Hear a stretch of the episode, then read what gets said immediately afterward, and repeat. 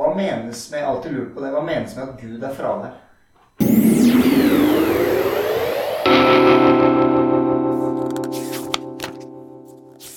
Kjære lytter, boka medborger og medmenneske.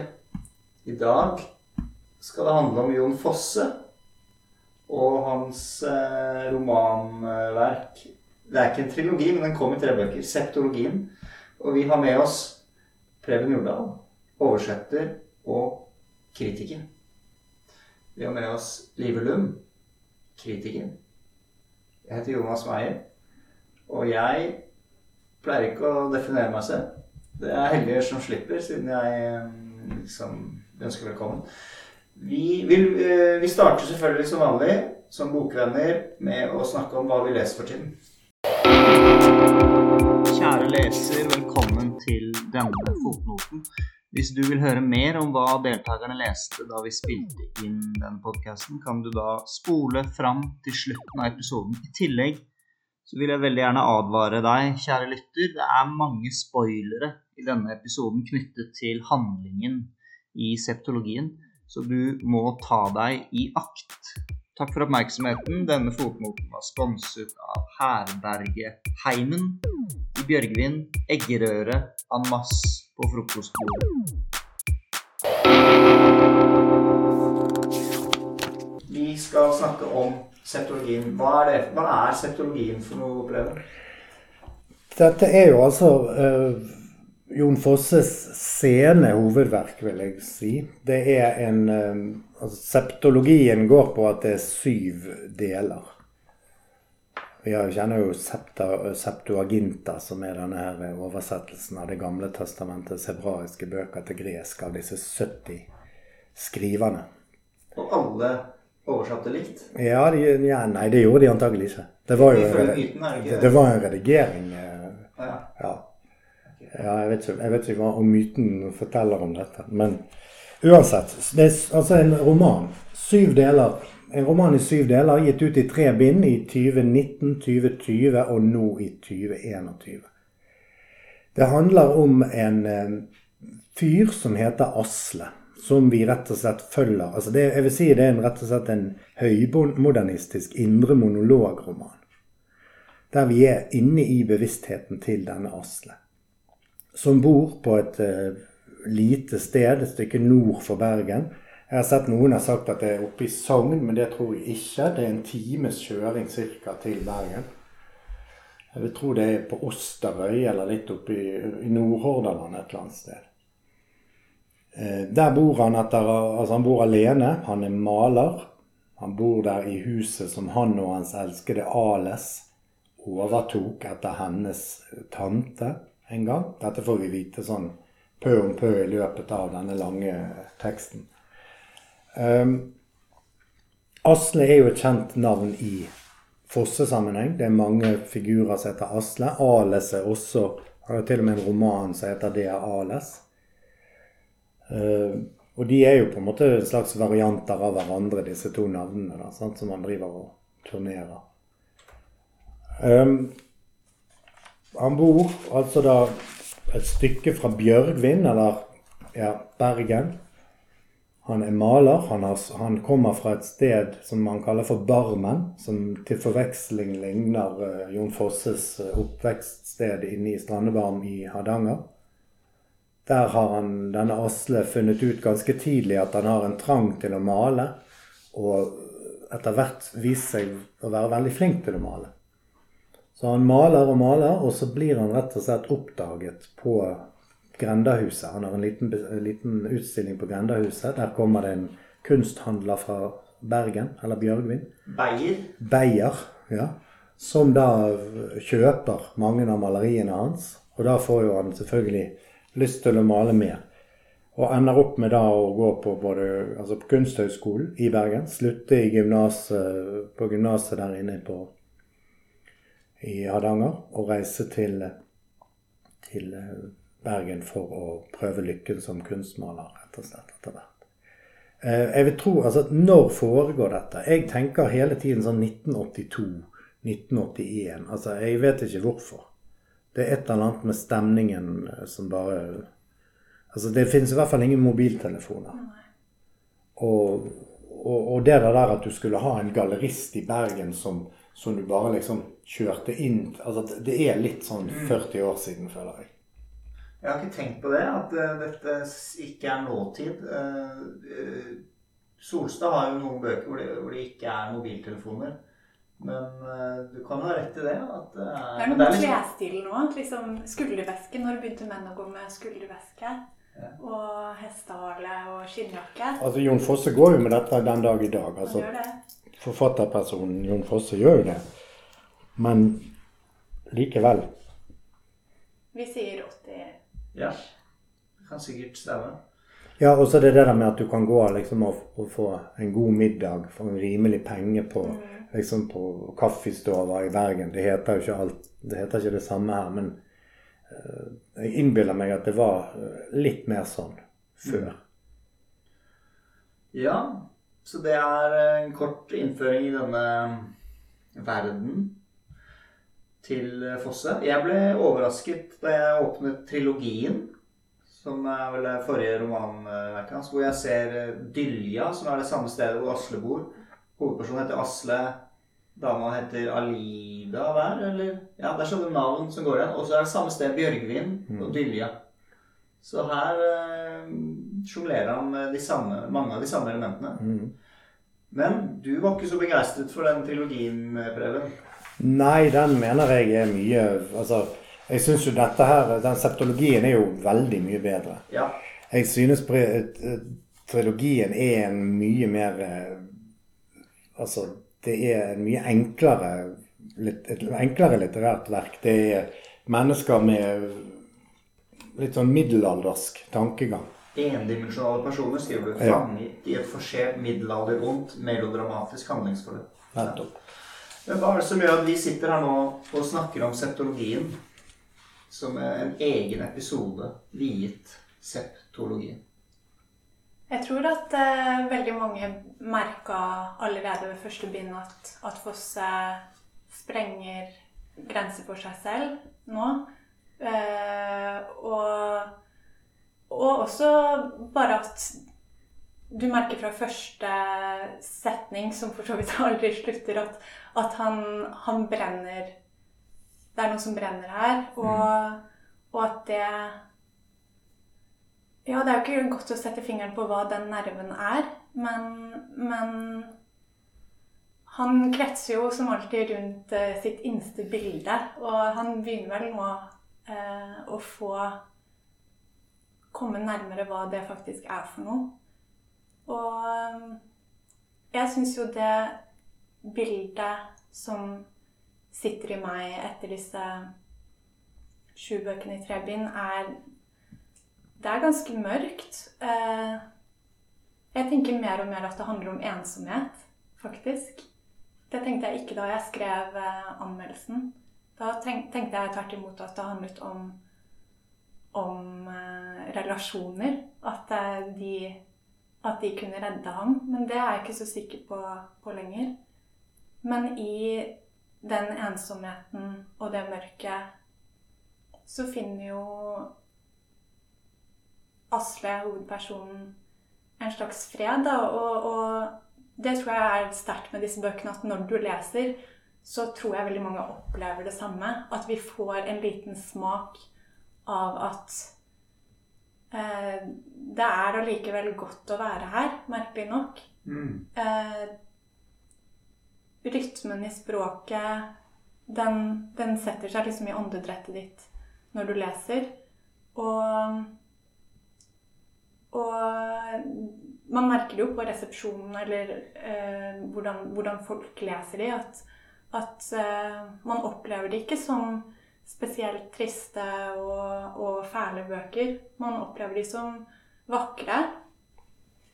Ja, eh, NRKs Knut Hoem hadde jo det Han lo og lo, ifølge han, han selv. Ja. Altså, det, er jo, det, er jo, litt uh, ulikt hva man opplever som, som morsomt, eller lattervekkende. Men jeg er enig i det med, det, med deg. Altså, det som er det jeg tror vi, altså det jeg ikke er i tvil om selv altså Jeg er veldig imponert over at Jon Fosse i en alder av 61, nå blir han snart 62, klarer å Altså, dette er jo åpenbart skrevet i et ras. Sant? Altså, Bøkene er gitt ut tre år på etter hverandre, men det er skrevet i ett. Han har skrevet alt samtidig. altså når han, Og så har han selvfølgelig jobbet gjennom det noen ganger. Ehm, at han klarer da rett og slett i såpass fremskreden alder å lage et nytt hovedverk i et såpass stort forfatterskap. Han har jo vært enormt produktiv hele veien. Og, og dette er jo Altså, jeg syns dette er Det overgår jo veldig Altså veldig mye antiforfatterskap. Det er mye bedre enn mye av dramatikken. Altså, dramatikken har jeg ingen liksom stor sans for. For der får du ingen undertekst, i motsetning der til disse bøkene. Der rytmen og prosaen hans skaper hele tiden et stort betydningsrom som, som utvider seg. Mm. På en måte er det jo underteksten som du sitter igjen med. Eh, det er jo ikke tankegodset og ideene. Eh, og, og, han tematiserer det jo også i hvordan han snakker om, om billedkunst og form og Han deler vel opp i ånd, materie og hva er det siste? Eh, sjel? Nei. I hvert fall så skjer det noe i, i i koblingen av, av det materielle og, og, ideene som hos Fosse blir at formen Formen sitter igjen mm. som noe større enn en innholdet, rett og slett. Ja. Ja da, det er helt enig. Og det er jeg ser disse eh, I hardback-utgaven så er de utstyrt med hvert sitt sånt lesebånd, disse bindene. Det er jo litt uh, interessant at de har villet gjøre det, for dette, er jo ikke en bok som, som man, man, slår opp i på et tilfeldig sted. Sant? Altså Alt er jo skrevet som et stort ras. Et snøras, nesten. Sant? Så det å liksom bruke et sånt lesebånd som i en andaktsbok. Nå på søndag da skal jeg lese det og det avsnittet. Det er jo helt meningsløst. For det, altså, det, jo, det finnes jo ikke avsnitt. Alt går jo bare i en eneste stor strøm og som du kobler deg på.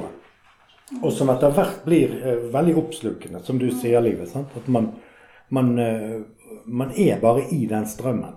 Og det jeg merket, så var det er også interessant det du sier om at det er underteksten som, er, som skapes som et slags avtrykk av det man leser. For det at selv om disse menneskenes liv liksom ikke har noe med mitt liv å gjøre, egentlig, altså annet enn jeg kan kjenne igjen disse geografiske markørene og, og, og forstår uh, stedsprosaen hans eh, godt, vil jeg tro.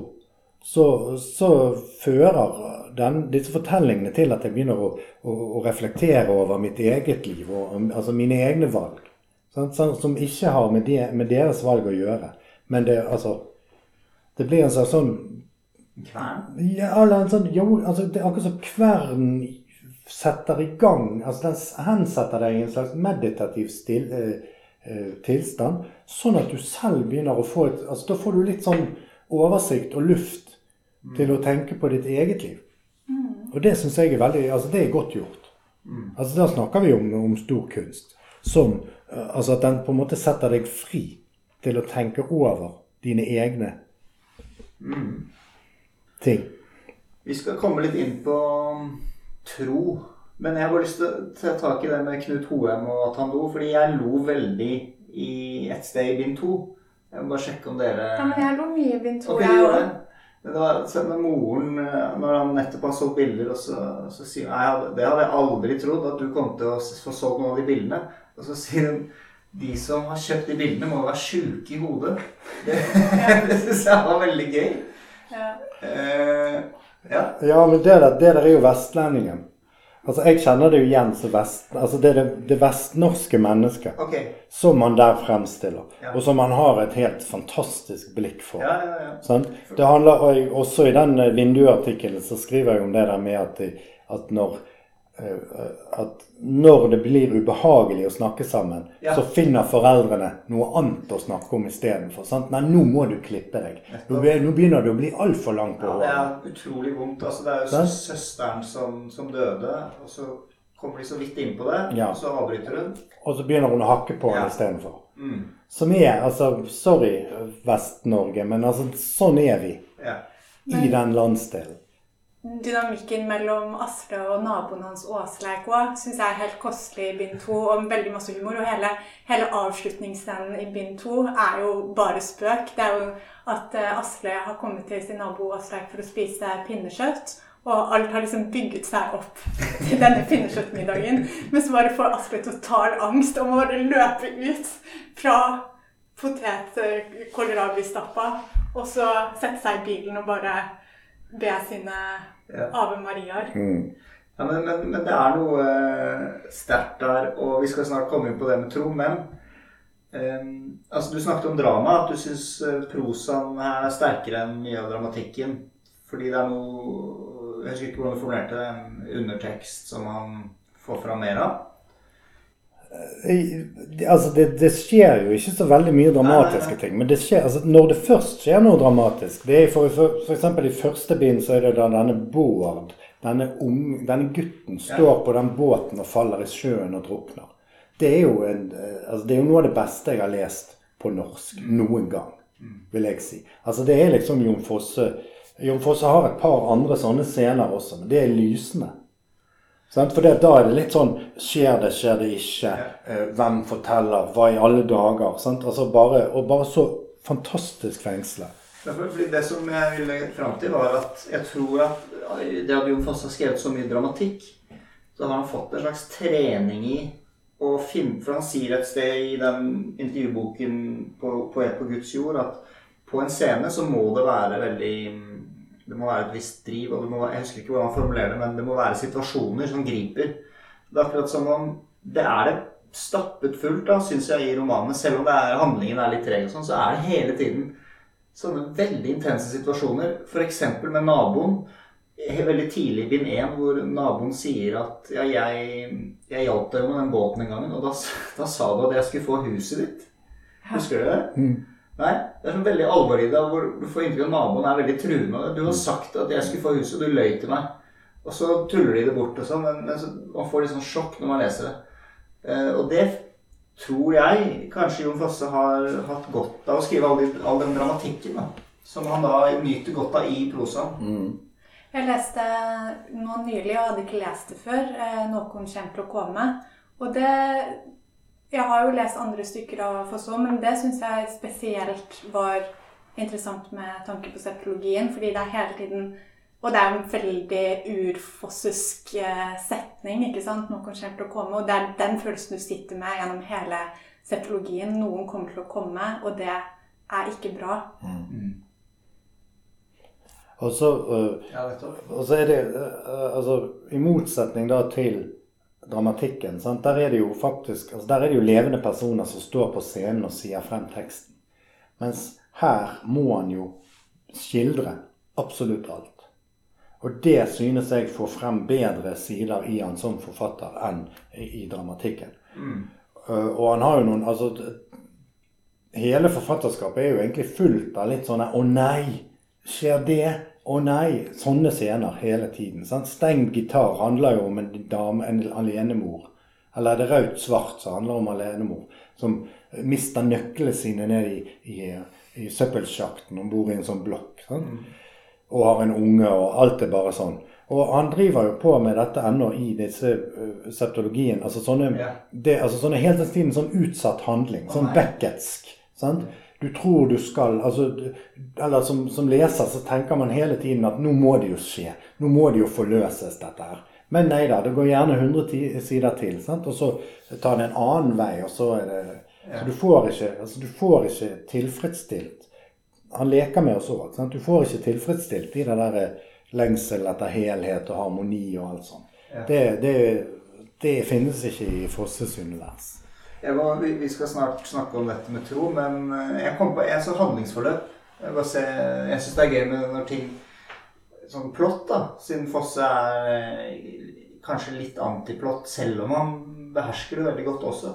Men det er, den, det er jo tragisk hvor han sitter på Eller du får hele tiden høre om skallen. Mm. Du må ikke sitte på i bilen hans. Du må ikke sitte på i bilen hans. Det er, det er sånn han gjentar. Det har de voksne sagt. Mm. Og så kommer skallen. Vil du sitte på? Og så gjør han det. Og så skjer det et overgrep i bilen, og så får han tre kroner. Og så ok, greit nok, og så starter andre bind med 'Hvor har du fått disse tre kronene?' Mm. Og, så, ikke sant? og så er det Det er veldig meddrivende. Uh, jo, jeg fant de på gaten utenfor bakeren. Ok, da må du gå til bakeren og spørre om noen har funnet dem. Og så blir han så vondt, for han må lyve til bakeren. Og så er bakeren snill, og han får Og så får han Hva han får? Bolle? Han har ikke lyst på bolle. Altså, han syns ikke bolle er spesielt godt. Jeg syns dette er godt, godt plott. Ja. ja da. Ja, det er mye sånn. Og det er det, det virkelig dypt tragiske blandet med det veldig hverdagslige. Jeg syns det snører det godt sammen. Og så fins det jo også en veldig god skildring, jeg tror det er i første bind, der han kjører i snøvær tilbake igjen fra Bergen. Det begynner å snø litt tett. Der det snør hele tiden. sant? Og, og det blir du minnet på. Og det begynner etter hvert å bli stress. Altså, han kjører bare, og så kommer, og så kverner bevissthetsstrømmen hans. Og han er liksom i fortid og nåtid og langt tilbake og alt sånn, men det snør hele tiden. Sånn at du får en Altså alle disse tingene blir elementer. Apropos en kvern. sant? Mm. Med mange ting som bare blandes sammen og gir en slags uhyggestemning. Helt klart. Av at noe skal skje som ikke er bra, som vi snakket om i sted. Ja. Noe kjent å komme. Ja. Ok. Um, en siste ting før vi begynner å snakke om tro. Og jeg har litt dårlig samvittighet fordi det er to ting. Det ene er at jeg har lest uh, bøkene samtidig som jeg har hørt på lydbok. Jeg har vekslet mellom lydbok og, å lese. Fordi, rett og slett for å spare tid. Men når jeg har hørt på lydbok, så har jeg ikke fått med meg alltid når han veksler Det er veldig elegant gjort. Inn fra nåtid, inn i eh, fortid mm. og tilbake. Og plutselig så er man der det, men det er nesten mer effektivt når du hører en lese det. For da du, og, når var det Når endte vi der? Når ble han barn igjen? Mm. Hvordan var det for dere når dere leste de overgangene? Synes... Av en eller annen grunn så var det flere ganger jeg, jeg des, uh, at jeg stoppa litt nå i siste bindet. Men det opplevde jeg ikke i de Nei. to første. Så jeg tok det på min egen kappe. Men det gjør du alltid i livet? Jeg har det med det. Eh, men merka dere det? Nei, jeg, jeg, kan være med på at siste bind er litt uh, mer kantete skrudd sammen. Enn, mm. altså, at der er det Der går ikke Der glir det ikke like fint Nei. som i de to første. Andre bind vil jeg si er det desidert beste. Ja, Og du vil si første bind? Ja, jeg vil si første. Ja. Og jeg må innrømme, det var det andre som jeg er flau over. Jeg har ikke rukket tredje bind. Det går bra, Jonas. Okay, bra. Men, men, det skal vi ta nå. Eh, Ingunn Økeland skriver om siste bind. Og de religiøse For der er det mer religiøse refleksjoner. Ja, for i denne bevissthetsdrømmen sant, så ja. er det jo det at han, han, han ber eh, katolsk liturgi på Slutten av hver del ja. så ender det med en uh, bønn. Ja, og da ber han uh, Fader vår på, på, på, latin, og han ber liksom uh, Maria, ja. Marias bønn Jeg vet ikke hva den heter engang, men altså, her er det protestantisme. Ja, Ave Maria. Uh, og, og, dette er altså dette er jo liksom med som altså Dette bare føyes inn i tekstens rytme mm. Hver, i hvert bind. Mm. Ofte. Ja. Og så skriver da Økland i Aftenposten det som for religiøse lesere kan fremstå som kloke ord, vil for andre kunne ligne på babbel og besvergelser. Så det er et spørsmål her og knyttet til dette med tro. Må man være religiøs for å få fullt utbytte av dette romanverket, tror dere? Jeg tror misforståelsen til Økland er at det, at det er meningen at det skal fremstå som kloke ord. Jeg oppfatter det ikke som kloke Nei. ord. Og Nei, hvis du skal lese det her som oppbyggelig litteratur, så da, da, må du på en måte være veldig velvillig, tenker jeg. Ja, jeg oppfatter det rett og slett som en, en del av personkarakteristikken. Altså det, det Han bruker dette for å bygge Asles bevissthet for mm. oss.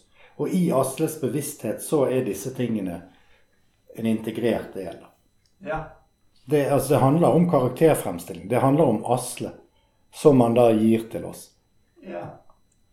Det jeg syns var interessant med det ordet babbel, er det er akkurat det samme ordet Asle bruker når han finner ut at han skal meldes ut av statskirken. så sier han at nei, det presten sier, er bare babbel. Mm. Uh, så Ja, altså jeg, Det er jo ikke bare Ingunn Økland, det er også hun Gunn Elin Stava Sandve i, i Dagsavisen. Hun var også veldig opptatt av dette med at det blir det blir, det blir mye religiøst preik, for å si det sånn. Ja. Um, det er jo en fair sak hvis man selv ikke er interessert i det. Men jeg tror jo at det er eh, altså Hvis man ser godt nok etter, så vil man jo se at det er jo en integrert del av verket. Det, altså det, det er ikke noe han har eh, lagt inn for å fremstå som interessant selv, kan du si. Og, og det er mye mer Det jeg eh, syns er påfallende med Fosse, er jo at du merker at når han skriver om sånne ting For det fins jo en god del sånne refleksjoner som går rundt, som går rundt ska, skapelse, altså kunst, Gud, hva vi kan si om Gud, eh, hvem Gud er, eh, troen, Kristus, alt det der. Eh, alt dette er jo eh, altså fremstår hos Fosse som langt mer forankret i en slags erfart og, og gjennomtenkt virkelighet hos forfatteren selv ja. enn f.eks. hos Karl Ove Knausgård når han skal snakke om gnostiske ideer, eller idéstoff generelt. Altså Norske forfattere som skriver om idéstoff, det er jo generelt en, en litt sånn, altså Det spørs jo hvor mye man selv er opptatt av det, men hvis man er opptatt av det selv og kan mye om det, så er det flaut å høre norske forfattere som har lest gjerne én bok om emnet. Og, og, og, da, skal liksom, da har de fått et lite puff. Og så, og så, skriver de seg ut liksom om dette her. Hos, ja, hos Fosse er det jo ikke sånn. Jeg må bare ta en liten digresjon. Knausgård har en sånn Abraham-essay. Ja. Og der ta, gjør han en feil. Mm. Som jeg, det er gøy å ta andre i feil, men at um, han tror at i islam så er det Isak som blir ofret på samme måte som i jødedommen og kristendommen. Men det er det ikke, for det er Ismail. Mm. Men uh, greit nok. Men, så, du sier 'hvis mann er opptatt av det'. Er ja. mann, er det deg? Ja, altså det er jo som oftest det. Når folk sier 'mann', så burde de kanskje si Nei, men uh, Si litt mer om det. fordi du skriver jo i vinduesset ditt om teologi om modernistisk kriseteologi og Ja, fordi da finner en altså et, Det er et spenningsforhold mellom denne høy, høymodernistiske litterære formen til Fosse og hans mer sånn middelalderske kristendomsforståelse. For han er jo åpenbart opptatt av meister Eckhart og, og, og, og ja, en del av disse mer altså, mystikere fra middelalderen. Han er jo ikke veldig uh, skolert, det kan man jo merke. Altså, det er jo ikke sånn at han på en måte lar denne Asle være um, altså, du, får, du får jo ikke noe nytt å vite om meister Eckhart av å lese Fosses roman. Men det er heller ikke meningen. sant? eh, altså Hvis man tror at man får noe nytt å vite om Meister Eckhart av Jon Fosse, så, eh, så altså Det er da det blir litt useriøst. Det er litt sånn kritikken. Hvis kritikken er på det nivået, mm. at de tror at, at, at, Jon Fosse har oversikt mm. over uh, fagtradisjoner, så det tar et helt liv å sette seg inn i, det blir litt overdrevet. Mm. Men det er likevel veldig altså det, jeg syns han likevel kommer veldig godt fra det. Fordi at han nettopp har tenkt igjennom disse tingene godt. Og fordi at han uh, lar det fremstå som integrerte deler av sine egne karakterer. Jeg er helt enig, og særlig det at det, det viser fram hvem Asle er. Men samtidig er det jo mye man kan innvende mot den religiøse tenkningen og, og spørre om hvor god teologi det er. Og bare det, det, ordet mystikk, da, som du sier, det er, det er, veldig veldig mye bedre når Jon Fosse går inn i det, enn når Knausgård går inn i det. Men, men, selv for Fosse så er det Det kan av og til glitre litt av det ordet, mystikk. Og så, og så kan man kanskje ikke helt komme inn i hva den mystiske erfaringen er. Det er jo det er vanskelig å skrive om òg. Eh, men også det gnostiske som du er inne på, da. Som, eh, som Foste jo har snakket om at har vært viktig for ham personlig. Og, og det merker man i septologien. Og, og jeg syns ikke det skjemmer septologien litterært, men for meg personlig så syns jeg at det er litt umoden teologi. Det er liksom det å være veldig opptatt av det kjetterske og det utenfor kristendommen, det er, det er jo litt eh, pubertalt, nesten. Ja, og altså Gnostisismen har jo denne skarpe skillet mellom det onde og det gode. Og at, at, det, at uh, skaperverket Altså, verden er skapt av en ond skapergud. Det er ikke, skaper, det er ikke skaperguden som er frelsesguden. Frelsesguden er en annen gud som finnes hinsides denne verden, som har et lys. altså Som finnes som et lys i vår i, i sjelen. Altså sånn. sant? Altså, For Fosse generelt, og det syns jeg jo i, i, i, den trilogien er jo veldig tydelig eksempel på det, at altså, da er jo verden ond. Ferdig med det. Mm. Det blir jo, som du sier, litt altså Det er jo pubertalt på, på en litt uh, Altså det, det vil... Sånn, verden er så kjip, jeg vil bare sitte ja. her alene. De andre er så ikke være med. Ja. ja. Og, og, men jeg syns han er mye uh, flinkere her til å, å, å, trekke frem da uh, gode sider. Altså det, jeg tror at denne dette, Septologien er en, et verk som han ikke kunne skrevet før han omvendte seg til katolisismen. Altså Katolisismen er en av årsakene til at han nå kan skrive septologien. Jeg syns fremdeles det mangler en slags eh, åpning mot skaperverket. Altså det, det, er jo en veldig dyster og altså Det foregår jo noen dager før jul. Og det er veldig mørkt og, og grått, alt sammen. Sant? Alle relasjoner er for så vidt også mørke og grå. Sant? Eller alle relasjoner har en potensiell trussel i seg. Alle kvinner er enten hore og madonna, som du var inne på. Altså de, de er enten helt sånn uoppnåelig ja. uh, åndelig Det skrev du om i din anmeldelse, ja. Livet. Mm. Ja. Eller så er de bare sånne skjøger som bare skal liksom trekke ned i, i uh, ja, fortapelsen. Alle, alle ønsker at Asle skal male pene, fargerike malerier, men han, han vil bare male svart-hvitt og grått. Ja. ja. Og så, og, så, og så, er det jo dette med Altså, han har jo noen det er jo også en kunstnerroman, dette her, i aller høyeste grad. Sant? At det, det, handler om eh, kunstnerens barndom og kunstnerens forming, altså hvordan han ble formet som kunstner. Og, og da er jo eh, eh lanserer Fosse da bl.a. en slags teori for denne Asle. Altså at denne Asle da er åpenbart en sensitiv, eh, følsom gutt som da ser sånne øyeblikksbilder og disse øyeblikksbildene de fester seg inni hodet hans. Og så maler han de. Når han da kommer til staffeli og sånn, så maler han de for at de skal forsvinne fra hodet hans. Mm. Ikke sånn at han vil vekk. Eller han vil egentlig ikke bære det livet han lever, da. Og der eh, tenker jeg på det dobbeltgjengermotivet som vi har ja, du skriver om det i, i vinduet-essayet, og jeg har også kommet inn på det i anmeldelser. Og det er der jeg liksom virkelig har endra litt hva jeg tenker om det. fordi på en måte så, så, har jeg tenkt at den andre skulle bli det som på en måte redder Asle fra seg selv. Fordi eh, det fins altså flere dobbeltgjengermotiver. Du har Asle og Asle. Men så har du Asle og Ales, som jo, selv om hun er hans store kjærlighet, så kan man jo se de to som en slags eh, enhet også.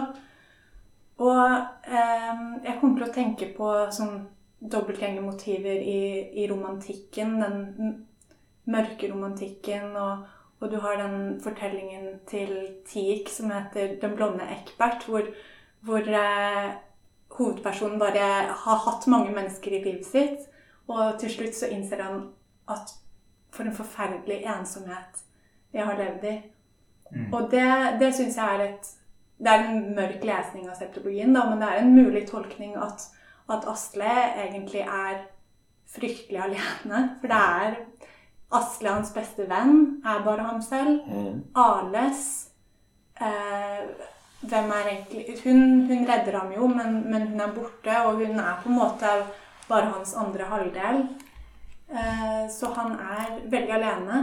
Og det er en teologi som er eh, som veldig mange religiøse mennesker jeg tror vil ikke kjenne seg igjen i. At veldig mange vil jo si at kristendommen er en religion som vektlegger relasjoner veldig mye mer enn det, det gudsbildet Fosse presenterer i, i septologien, hvor til og med Gud er fravær. Så mm, han har jo en relasjon til Gud, men det er ikke en veldig eh, personlig relasjon. Det er ganske abstrakt. Mm. Og jeg har også tenkt på denne altså, Første bind og Hvert bind begynner jo med at han, denne Asle sitter og ser mot et bilde som han har malt av et såkalt Andreas-kors, som er rett foran han, sånn, som, er, som, er, en slags X, som er malt med to, to linjer som krysser hverandre. Og så har jo enkelte anmeldere liksom googlet Andreas kors og liksom sånn, prøvd å knekke den koden. Men jeg tror at det, det handler ikke om at Andreas kors, for det er det Åsleik som sier at det er. Det handler om den greske bokstaven chi for Kristus. Som er Altså, det er korset. Det er Kristus. Han, altså det er en, hele, hele, bevegelsen til Asle går på å, å, å konsentrere seg om Kristus. Det er det han skal tenke igjennom. Det er det han sitter og altså, Det er derfor alt dette her Det er en slags madeleinekake apropos prost. Sant? Det, det, det er et tanke eh, En igangsetting av tanken som man får ved å konsentrere seg om denne, dette korset foran seg. Som er imponerende gjort. altså Teknisk sett og, og altså skrevet og alt eh, veldig bra. Eh, men jeg, altså, jeg er også enig i at det er dystert, og det er nesten ikke altså Til og med ALS. Jeg ser at mange, mange, mange, som har lest og skrevet om dette, vil gjerne at den relasjonen skal være en veldig sånn vakker kjærlighetsrelasjon. Jeg syns den er veldig utflytende og vag. Mm. Og, og, og, egentlig da bare svøpt i en litt sånn vemod, sant? Eller tungsinn. Ja. Men jeg vil bare si at selv om jeg syns det er dystert, så avskriver jeg ikke den, den, erfaringen på en måte som ligger til grunn i det. Da. Og, og, og jeg syns det er flott på en måte at han viser det fram. Og jeg mm. tror det, det er jo noe som er veldig lite vist fram i vår tid. Den den både eksistensielle ensomheten At han klarer å gå så dypt i den. Fordi det er jo så ubehagelig å gå dit. Men han, han klarer det, og han finner til og med noe lys der. Det er liksom ikke det der lysende mørket. Det er veldig mm. lett å parodiere og, mm. og, og, sånn, men det er Du opplever litt at det lyser når han ja. går inn der.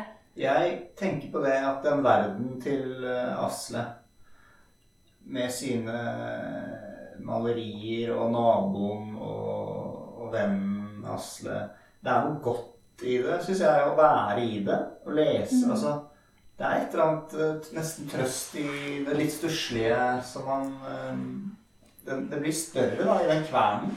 Ja, det er sånn død hvor er din brodd, på en måte. Fordi han, han, bare går dit og er i det, og det er, det er døden, på en måte. Men, men eh, det slutter å være farlig.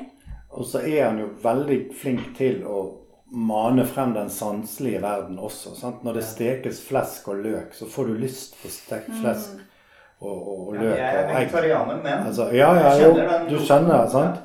at det er, uh, det er en taktilitet der, da. Sant? Som kjennetegner de som, uh, som, vet hva de holder på med. Altså som kan skrive, da. Mm. Fordi at du får hele tiden altså Tingverden finner altså Det er det er aldri noe problem i tingverden. Sånn, han vet hvordan man, man, åpner en dør, for å si det sånn. Han vet hvordan det kjennes å klappe en hund. Uh, flesk, Og så bor han på det hotellet, eller bed and breakfast, eller hva det er, i Bjørgvin. Og da er det den hotellfrokosten han gleder seg til. Uh, ja, med masse egg. Han går på ungdoms... Nei, hva heter det? Uh, Hjemmet? For, nei, ja, Heimen heter det. sant? Det, de har jo det i, Norge, i Oslo også. Ja. Hva heter det? Det er over kaffestova. Ja, Bondeheimen. Bondeheimen. Bondeheimen. Ja. Ja, men det er det, det, er det sanselige og Der er man veldig bundet til eh, Altså, mennesket er jo veldig bundet til eh, maten man spiser, kroppen og det begjæret. da. Mm. Men det er et godt poeng. For altså det, Da ga du meg et eh, clou. For det, det, finnes jo ikke noe begjær i disse bøkene, nesten. Særlig ikke i den siste. Men Nei. i første bok har du jo en veldig bra sexscene, som er den huskescenen. Ja. Som går over tre ja, ja. Det er bra du sier det er en sexscene, fordi når jeg hørte på det, er det selvfølgelig alle tenker det, men jeg tenkte liksom Er det bare jeg som syns dette er litt perverst? Vi må liksom fortelle lytterne hva det er, men det er en scene hvor hvor eh, det er jo ikke egentlig Dette er jo tidlig spoiler-episode. Altså, det må jeg bare si. Ja, men det er tidlig i første ja, Vi spoiler alt. Vi, vi, kan ikke, vi kan ikke holde oss tilbake. Men det er i hvert fall bare en scene med to voksne mennesker hvor han dytter henne på huska, og hun vil ha mer og mer. Og Nei, først vil hun ikke. Nei, først vil hun ikke. jo, det vil hun. ja, ja.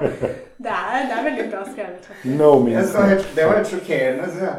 Eh, eller altså men etter det da, så er det ikke så mye begjær, nei. Nei, eh, og, og, det er eh, Altså, det sier litt, også litt om hvilken sinnstilstand denne Asle etter hvert befinner seg i. Ja. Og der har jeg et alternativ. Apropos spoiling, sant? så er det jo sånn i siste bind så slutter jo det midt i ja. eh, Fader vår. Nå i, nå i vår dødstime eller et eller annet sånt. Det er jo ikke Fader vår, men det ja.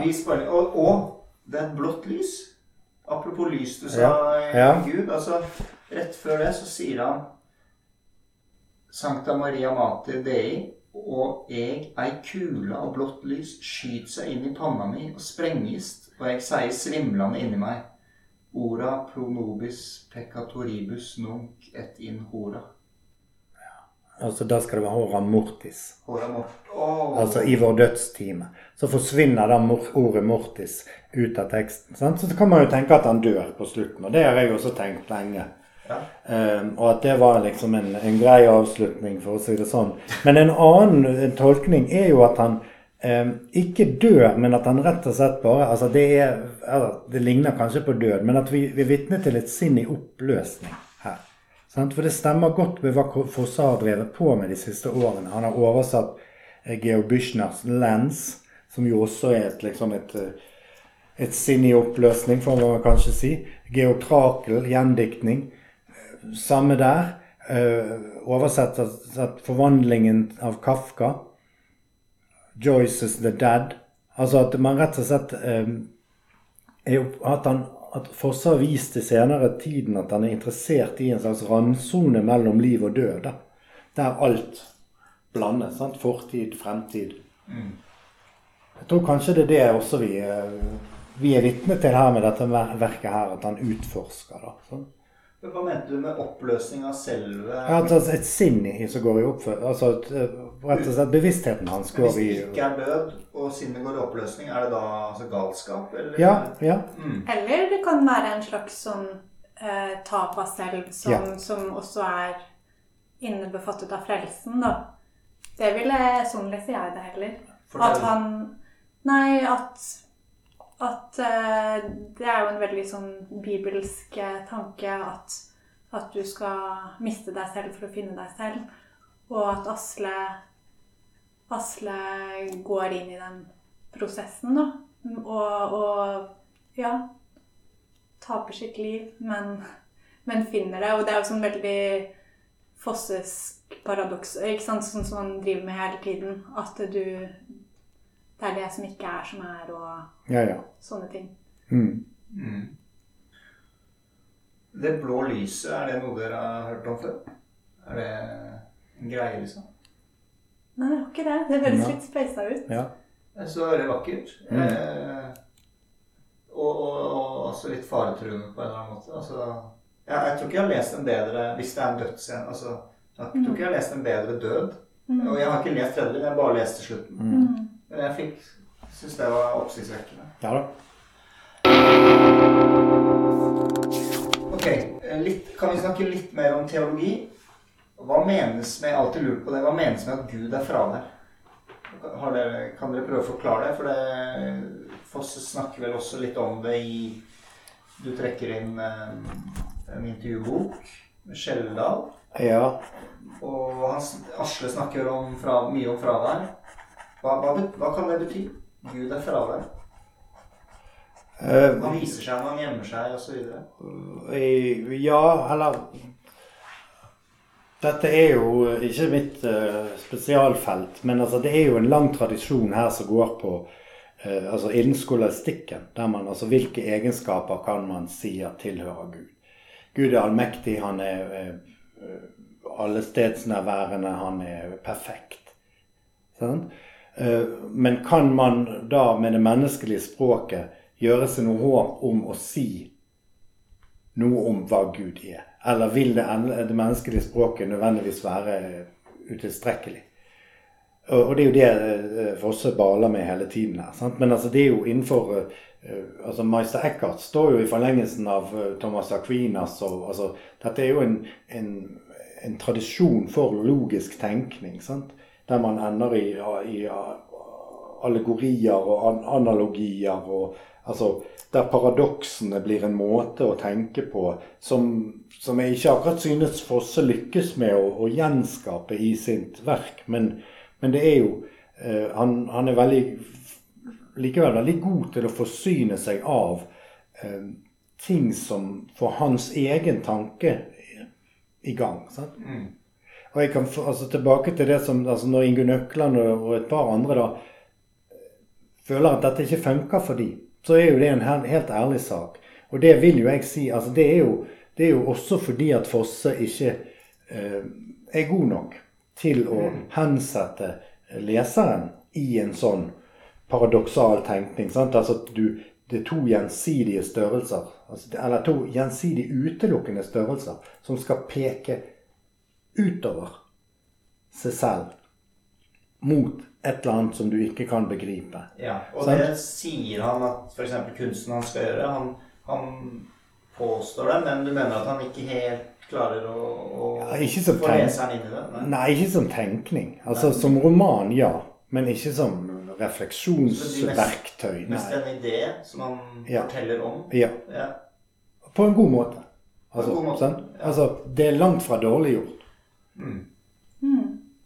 Og jeg tror eh, Fosse er veldig tydelig forankra i en ja, katolsk kristen tradisjon. Fordi du har, du har jo også tenkere som snakker om dette her gudsfraværet på en helt annen måte, som mer sånn at Gud er død, eller Gud har uttømt seg selv i skaperverket. Nei, utenfor den tradisjonelle katolisismen. Ja, og mye, mye, nærmere vår tid, sant? Ja, ja, ja fra særlig sånn 60-tallet kom mm. det en bølge med, som var veldig opptatt av, av det. Ja. Og, men det er jo et interessant eh, det er et stort tema å snakke om. Det er sekulariseringen innad i kristendommen. Ja. Fordi Man kan jo si at, at, kristendommen er grunnleggende sekulær fordi Gud blir menneske og, og dør. Eh, og, og, men, men ja, jeg, jeg syns ikke Fosse går dit. Han, han holder seg i en veldig sånn Hans negative teologi, som man kaller det, da, handler vel kun om det du sier at at eh, vi kan ikke si noe om Gud. Vi må avstå mm. fra å si noe om Gud. Mm. Ja. Okay. Men så prøver han likevel, da. Ja. Ok, Så det er ikke den fryktelige tanken eh, at Gud uh, ikke er her, liksom? Det tror jeg ikke. Nei. Ikke for Fosse. Nei. Mm. Nei og, og, i denne, dette verket så er det jo også veldig tydelig at det er Altså mye av det som skrives om hvordan kunsten blir til, og inspirasjonen og sånn, det er jo helt klart knyttet opp mot en gudstro, uh, eller et, si, et gudsnærvær. Altså, det snakker jo for oss om selv i intervjuer. Der syns jeg kanskje han går litt langt. Men når han snakker om at, han, at Skriften bare kommer til han, og det blir som en slags bønn. Sant? Ja. Altså, Han vet ikke hvor det kommer fra. Og, altså, ja. Det vil jo jeg si er litt sånn på grensen til kjettersk. Men det, det får vi nå heller ta en annen dag. Mm, ja, ja. ja, for det nevner du at um, Det var du som nevner det essayet ditt, ikke sant? Ja, han nevner det jo selv i veldig mange ja, du, situasjoner. Ja. At han at han. Ja, at han, det er som en Ja. Og den, den, litteraturen han liker å lese også, har den kvaliteten ved seg, da. Uh, fordi han sier i den om å skrive med Hans Olav Brenner at litt inne på det med at han i tidlig forfatterskapet så var han mer opptatt av teori. Og så liksom tok han et valg hvor han mer ser på seg som en spillemann. Og at det er Altså tekstene hans er eh, ja, som musikk. Og ja, at det er det han Altså bønn, bønn kan jo være veldig messende. Det kan ha en sånn musisk kvalitet. Men at han da ikke prøver å få fram disse ideene, og det som fremstår som babbel, det er kanskje noe annet. Altså det er ikke det å, Han prøver ikke at det skal være kloke ord. da. Nei. Nei, det er selvrefleksjon. Heller en ja. Altså verktøy til selvrefleksjon, tror jeg det ja. Altså det er ikke sånn at han ber Gud om ting. Nei. Han, han, bruker dette for å hensette seg selv i en tilstand som, som lar han liksom få klarhet. Og så tror jeg vi må skille mellom det som er bønn, og det som er eh, teologisk refleksjon. At det er to veldig forskjellige ting i, i romanene. For det er jo ikke noen direkte henvendelse i den tenkninga han gjør. Det er mer sånn tankesurr, og jeg tror det er det Røkland tenker på som babbel. ikke sant? Mm. Mens bønn, bruken av, av bønn i romanen syns jeg er veldig effektiv. Og det var en var det en amerikansk kritiker Du sendte meg en artikkel som, eh, som eh, påpekte det at som lesere så må vi lese oss gjennom så mye bønn at vi uten å vite det, så har vi jo på en måte nesten bedt mm. i kraft av å lese det. Og at, det, at han, han, mente at han kjente det etterpå, da. Mm. Ja, for det som, det, som, det som, nå skjer, er jo at uh, bind én og to av septologien er nå ute på engelsk. Ja. Det ble oversatt rimelig kjapt til i det som heter Fitzcarraldo-press, eh, som er en veldig sånn prestisje. Altså bare gode bøker. Og da får du jo resepsjon da fra USA. Dette var fra New York Review of Books. Og det fins også en, en, resepsjon fra London Review of Books, tror jeg, om, eh, om Fosses septologi. Og der er det jo selvfølgelig et litt sånt eksotiserende preg. Sant? De er jo litt sånn der Oh, those Norwegians, liksom. Sant? Sammenligna med sånn ski... Ja, ja, det er alltid det der med ski. Altså, det er rett før du får en isbjørn som går, for, som går forbi deg. Sant? Altså, det er i gatene. Men, eh, men utover det så fins det jo ting de ser der, selvfølgelig. Og nettopp det som Live sier med at, det, at eh, han tvinger deg inn i sin rytme. Det er det som er saken. Sant? Han mm. tvinger deg inn i sin rytme, eller han han, han, han, omslutter det med sin rytme, vil vi kanskje heller si. Og så, så, er du i den. Og da er du i den til det liksom Så lenge det varer. Og det er jo, altså, det, det er jo tjukt. Altså, hva er det, 1300 sider eller et eller annet sånt? Det er mye. Mye tekst. Men eh, det er jo ikke snakk om å, å, å la være å lese hele.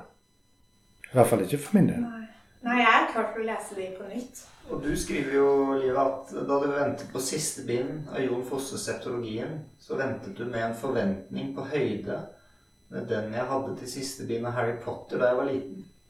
Ja, det er kanskje litt flåsete, men det er jo den spenningen som dere har pekt på. da, At, at man vil Man føler faktisk at man må vite hvordan det går.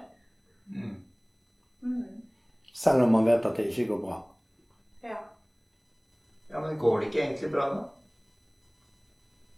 Altså ikke, ikke, her da, på jorden for ham, men uh, i en større kosmisk sammenheng. Er det ikke håp Er det ikke, er det ikke en slags happy ending? Eller? Jo, det kan du si. Man får, jeg får følelsen av det, at det er Ja, det er kanskje mer at man kan få følelsen av det, men Ja, men, men særlig hvordan han, han ber for Guro og Asle, som begge dør. Oh, Guro, som altså er fristerinnen han har Guro likte jeg godt. Ja, et litt vanskelig forhold til. Hun er liksom, Det er hun som ikke må komme, på en Nei, måte. Det fins to, to Guroer òg. Ja. ja, det gjør det òg. Men i hvert fall så dør den ene Guro i en brann. Mens Asle, hans dobbeltgjenger, han, han, dør også på, på sykehuset. Ja. Og den Asle vi følger, han ber jo for disse. og og da får man helt tydelig inntrykk av at han stoler på at de, de er frelst. Så i og med at dobbeltgjengeren hans er frelst, og Guro er frelst, som de ikke De tilsynelatende endte de ikke sine dager så vel. Men, men derfor, eh, som du sier, Jonas, tror jeg absolutt at Fosse i hvert fall inngir leseren en slags eh, trygghet på at eh, det er egentlig ingenting som kan gå så altfor galt. Mm. Jeg vet ikke om jeg er enig i det. altså. Jeg vet ikke om jeg vil at det skal være sånn en. For jeg tror at den, altså, Hvis man ser på disse, på, på disse sluttscenene, sant, der han blir med denne Åsleik til søsteren hans Guro heter hun også, for å feire jul der. Og der er det, apropos komikk, der er det god komikk, for der kjører de båt. Og Åsleik drikker. Altså, skal du kjøre båt, så skal du drikke øl, liksom. Og da drikker han masse øl mens de kjører, og pisser mange ganger. Dette er jo altså, hva, si, hva de sier da, Åtte av ti som ble funnet druknet i Norge, det er menn som ble funnet med eh, smekken åpen. Sånn? Da skal de late vannet. De er alene i båten, og de bruker selvfølgelig ikke redningsvest. Det gjør jo ikke denne her Åsleik heller. Men eh, bare det der at, at, nå er det jul, nå skal jeg drikke så mye at eh, du vil ikke tro det. Så kommer de da til eh, til uh, søsteren der hun bor. Og, og, da har hun nå begynt å fyre, som vi sier på engelsk. Nei, på bergensk. Altså bare, det, For hun handler jul også om det. Å ta seg noen glass vin midt på dagen. Sånn, sånn at de bare eh, flykter inn i denne her alkoholrusen. da. Og der er jo da denne nye Asle, eller den som er hovedpersonen, han har jo sluttet å drikke. I likhet med Fosse selv. Sant? Han har kommet til et punkt der det rett og slett det å drikke var Altså, nå, nå dør du hvis ikke du slutter å drikke. Og det har han tatt, eh, tatt på alvor, og, og, drikker ikke selv. Men du kan jo si at vi er tilbake der i en sånn Altså hvordan Altså hvilket syn har Fosse som forfatter på eh, tilværelsen? Mm. Det er mørkt, det er bare å flykte fra. Altså hvis ikke du hadde hatt troen og kunsten, mm. da kunne du like gjerne ha gjort slutt på det.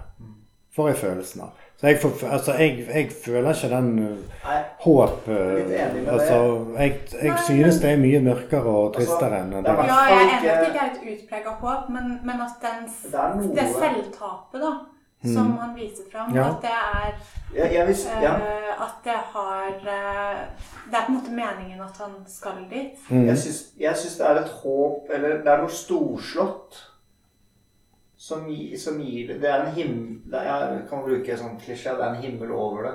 Men det er noe storslått i det. Men det er jo ikke feel good. Og det er jo ikke noe sikkerhet i Det er ikke noe eh, det, englemusikk på slutten. Det er storslått som kunstverk. Sant? Ja, men det syns jeg gir Der gir det en som jeg sa, altså det med trøst og Der gir det et eller annet håp, da. Jeg tror mm. jeg likevel vil si det er noe håp der, men ikke, ikke som en sånn 'vi vet at det går bra', Nei. eller uh, forløsning heller, kanskje. Men, men, det er noe, ja. Det storslåtte, kanskje. Mm Ja, er, altså, Det er jo et mektig verk. sant? Ja. Jo, det, det, dumme var jo at vi måtte lese disse tre bindene et, med ett års mellomrom. Jeg tror også hvis man altså, nå, nå, nå, har vi muligheten da til ja. å lese alle i et uh, ras, og da tror jeg kanskje at altså, Da vil man virkelig kunne merke hvor, hvor stort løft det finnes i det. Mm. Ja.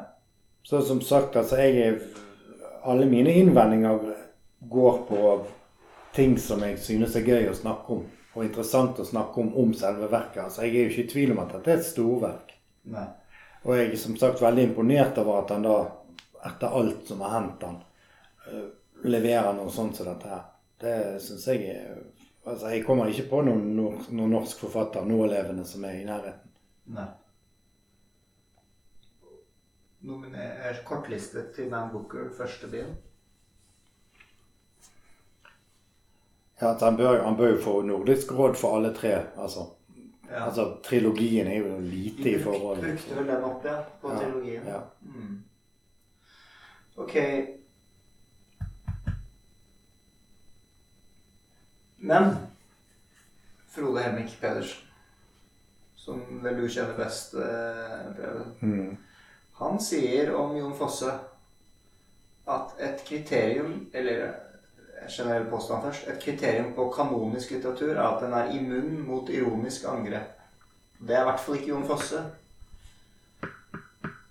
Så mm. han øh, vurderer kanskje Fosse øh, lavere, eller ja, altså, Immun mot ironisk angrep. Jeg vil jo si det er mye eh, kanonisk litteratur som lar seg parodiere. Ja, det er ja. bare det at det er veldig vanskelig. Ja. Eh, at Fosse kan være lett å parodiere, det, altså, det, det tror jeg er mest dramatikken hans. altså. Ja. Fordi at der står alt og faller. Altså Hvis du leser dramatikken som tekst, så er det, så er det lite undertekst.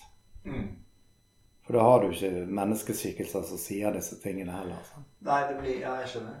Men, men jeg Altså Jeg tror ikke at det er et uh, Altså, jeg, jeg, er ikke med på at, at det er en, uh, en svakhet. Nei. Og jeg mener å huske at uh, Jon Fosse selv i den samtaleboka med Eskil Skjeldal sier noe om det her, og at han mener det er et kvalitetstrekk. At man kan bli At all god litteratur kan du karikere. Ja. ja. Jeg skulle jo nesten tro det, ja. Og jeg tror heller ikke at altså, Det går jo an å prøve, da. Prøv å, prøv å skrive 20 sider uh, parodi på, på, nei, på, på, det, på, det, han holder på med i septologien. Mm. Det er vanskeligere enn man skulle tro. Det, det må jo, altså, du må jo gjøre de veldig mye dummere enn de er, f.eks. Ja. Alle. Altså både leseren og, og fortelleren og personene. og det er jo en del forfattere som, uh, har et, som, som etterligner Jon Fosse. Mm. Ikke parodierer, men, men, bruker dette med gjentagelser. Altså, Jon Fosse eier jo ikke gjentagelser. Nei, nei. Men allikevel da, at de kanskje har blitt inspirert av Jon Fosse.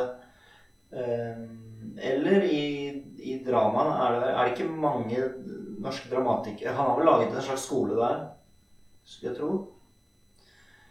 Men um, en ting jeg syns var fascinerende med språket i, Som jeg ikke har lagt merke til før, er disse rare vendingene med når du det skal gjøre.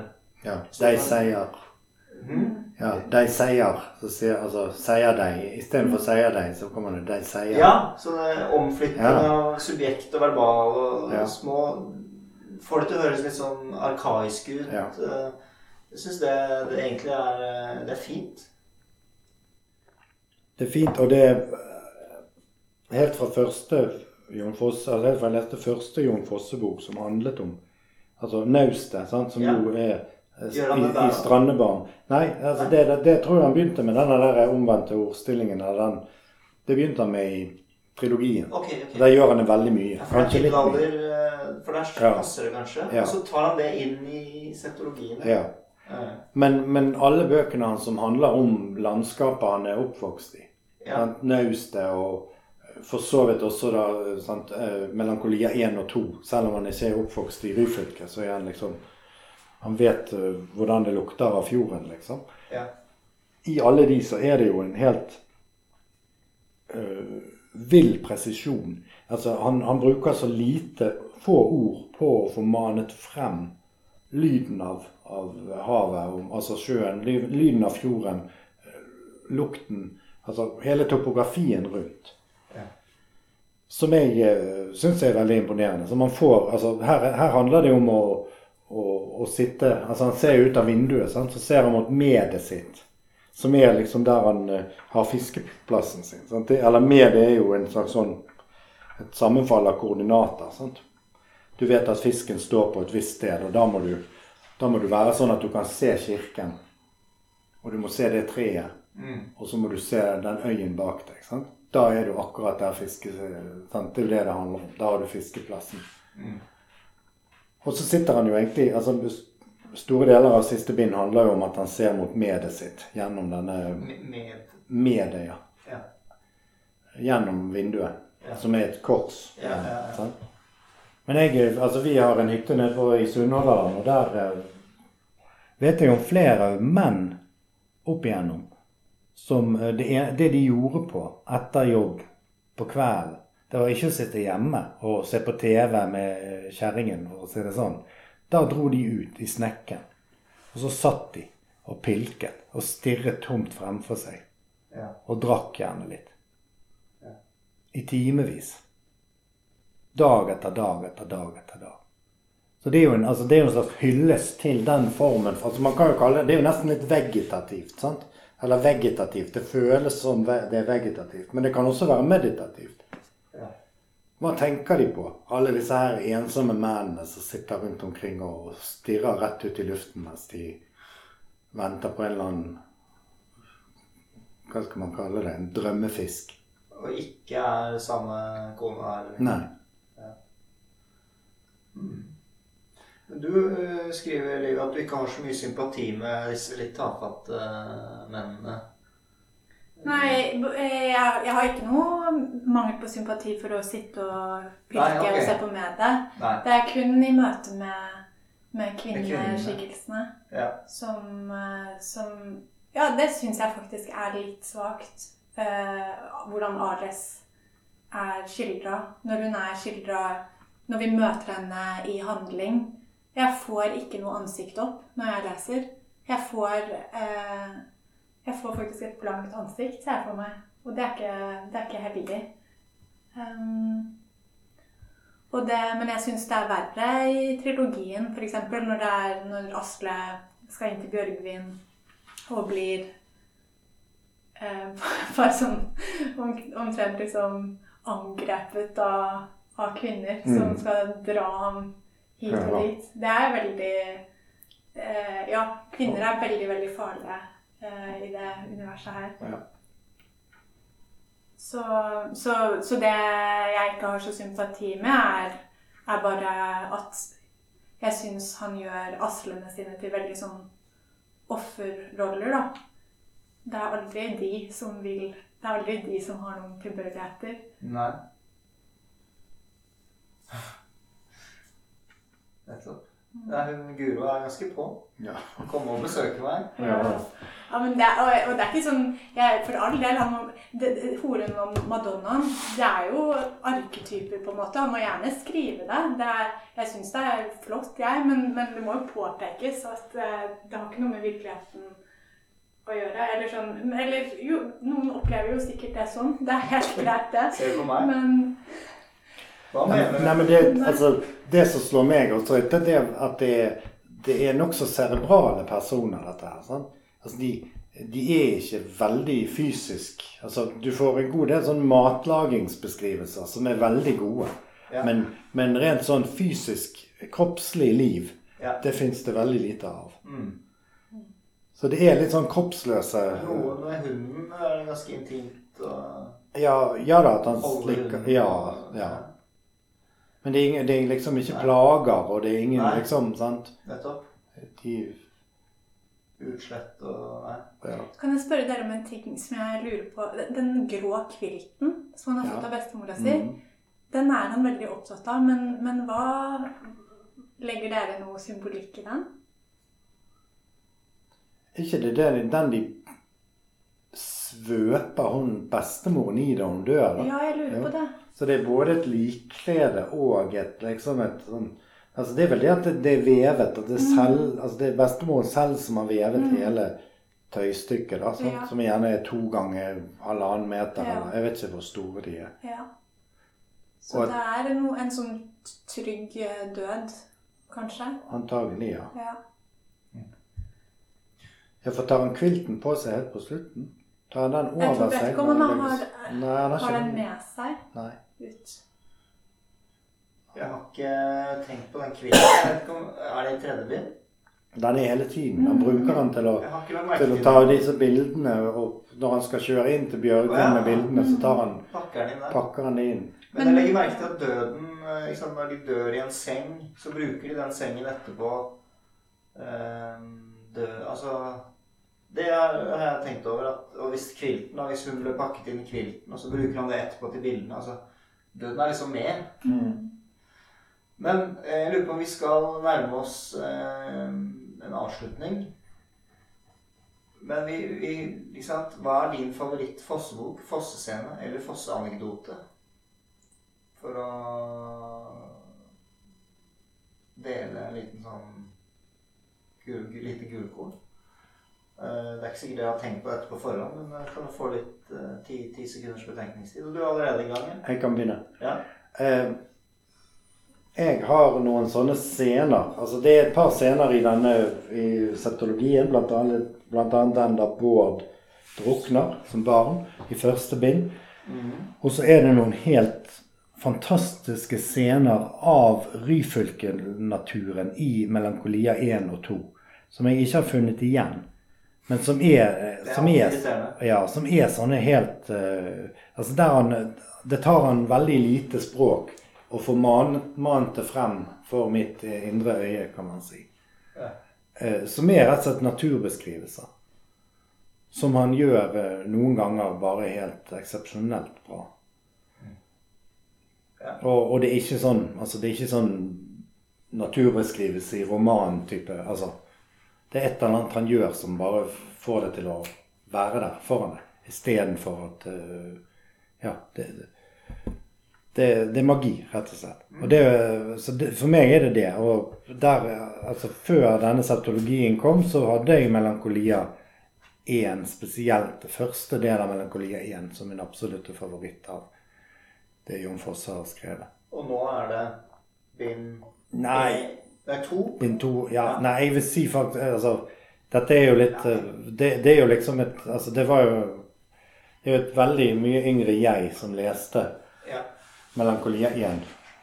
Så jeg kan ikke si at minnet om den leseopplevelsen er helt sånn altså, Det kan være jeg synes at altså, da, da, var det veldig bra. Ja. Da var alt veldig bra.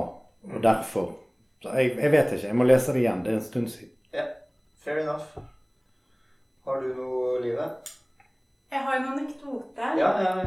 Eh, fordi for et halvt års tid siden så, så intervjua jeg Jon Fosse.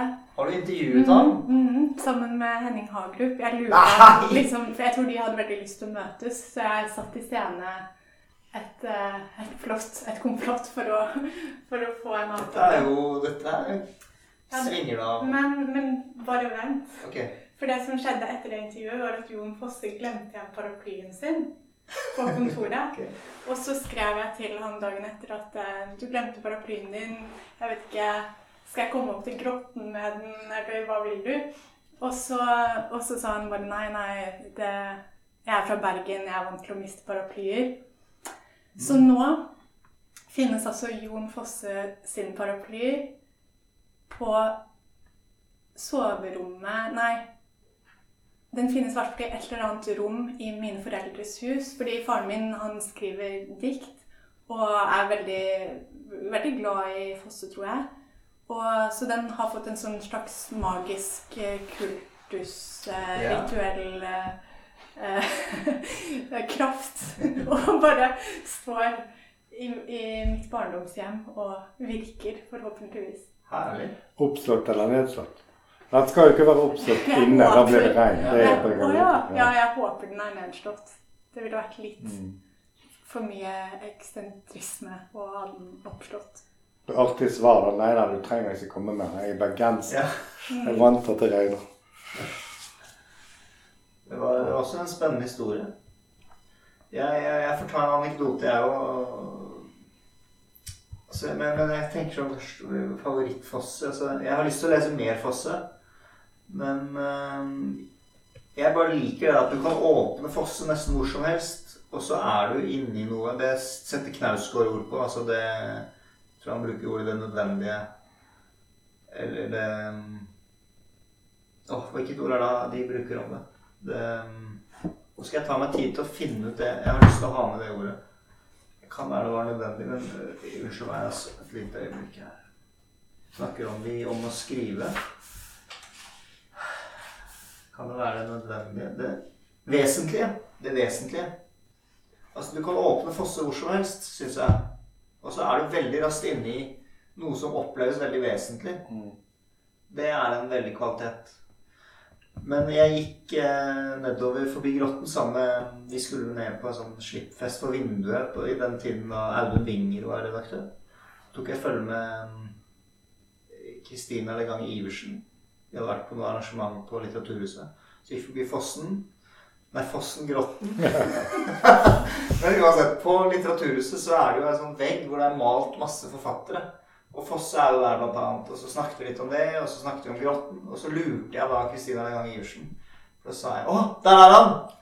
Og det var veldig morsomt.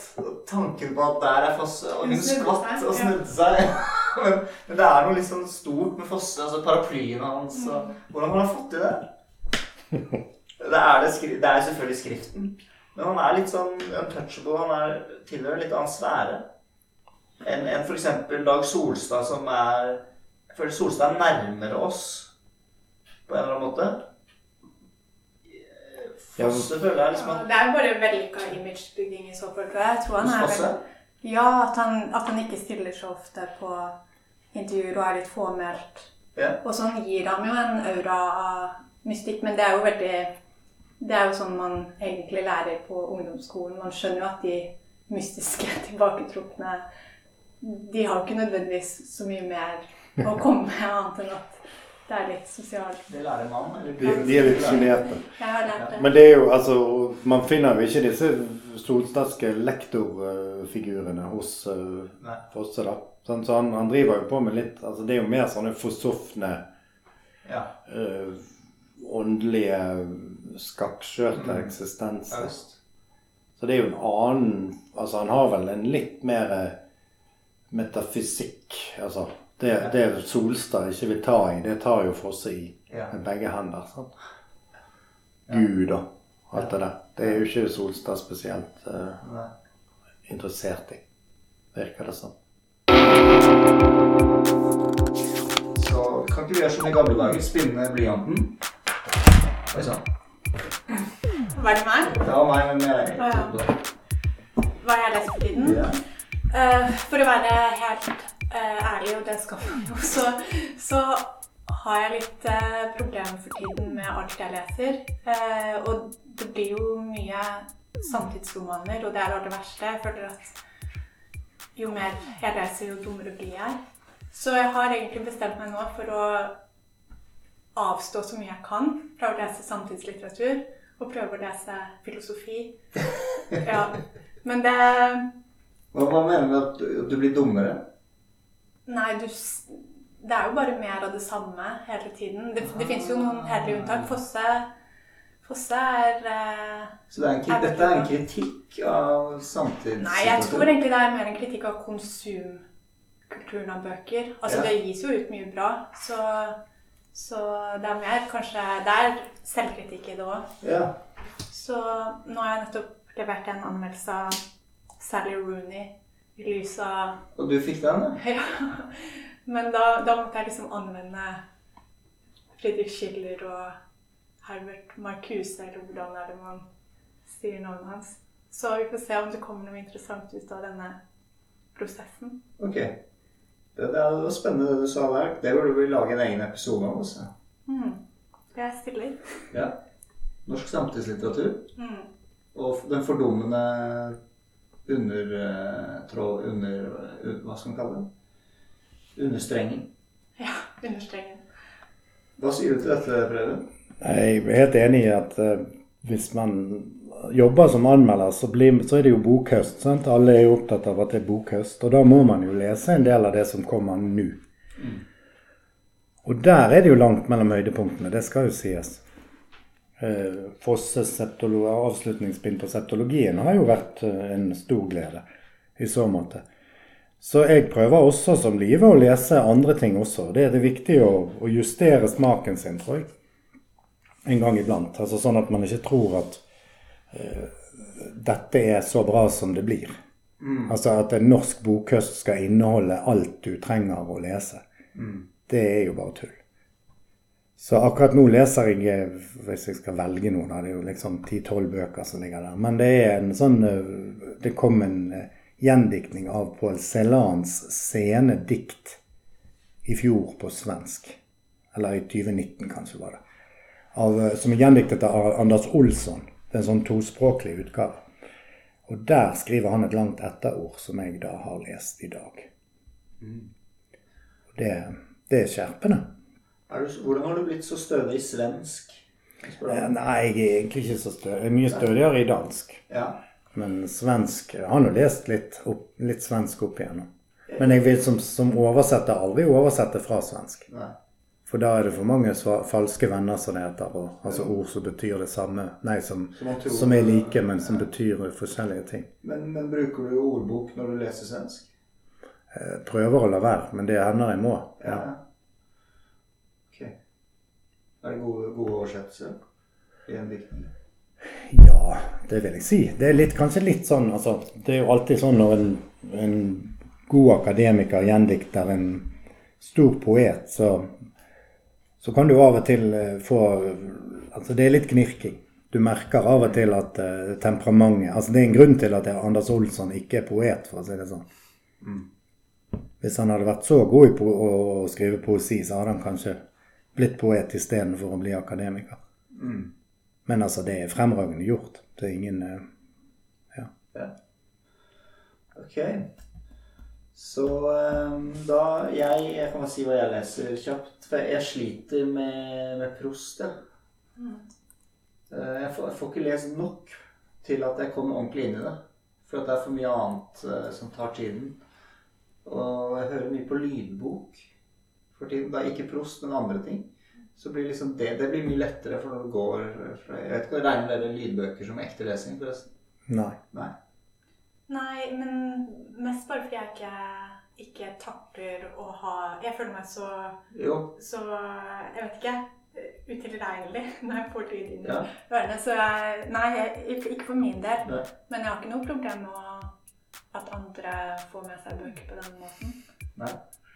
Ja, men, men, det er ikke prost jeg leser på lydbok. Men, men man må liksom er, du, du, kan ikke skippe en, en prostdag. Synes jeg. Du kan liksom ikke vente to dager og så begynne igjen. Du må være i det. Mm. Og det, når jeg ikke er det, så, så blir det for trøtt, den materien. Selv om det er jo Ja. ja hvor langt er du kommet, da? Nei, men jeg har lest altså Det er syv Jeg er kommet til syv bind på norsk. Mm. Jeg har lest Jeg er i halv Ca. tre fjerdedeler i andre bind. Okay. Ja. Da burde det være mulig å koble seg på etter en pause. Det er jo på en måte det, men jeg, jeg, jeg var så begeistret når jeg kom i gang igjen, og dette er så gøy og humor og sånn. Og nå syns jeg liksom det blir litt for mange digresjoner. Mm. Altså lange ja. middager. Lange middager. Ja. Men, men. Ja, ja. Sånn er livet.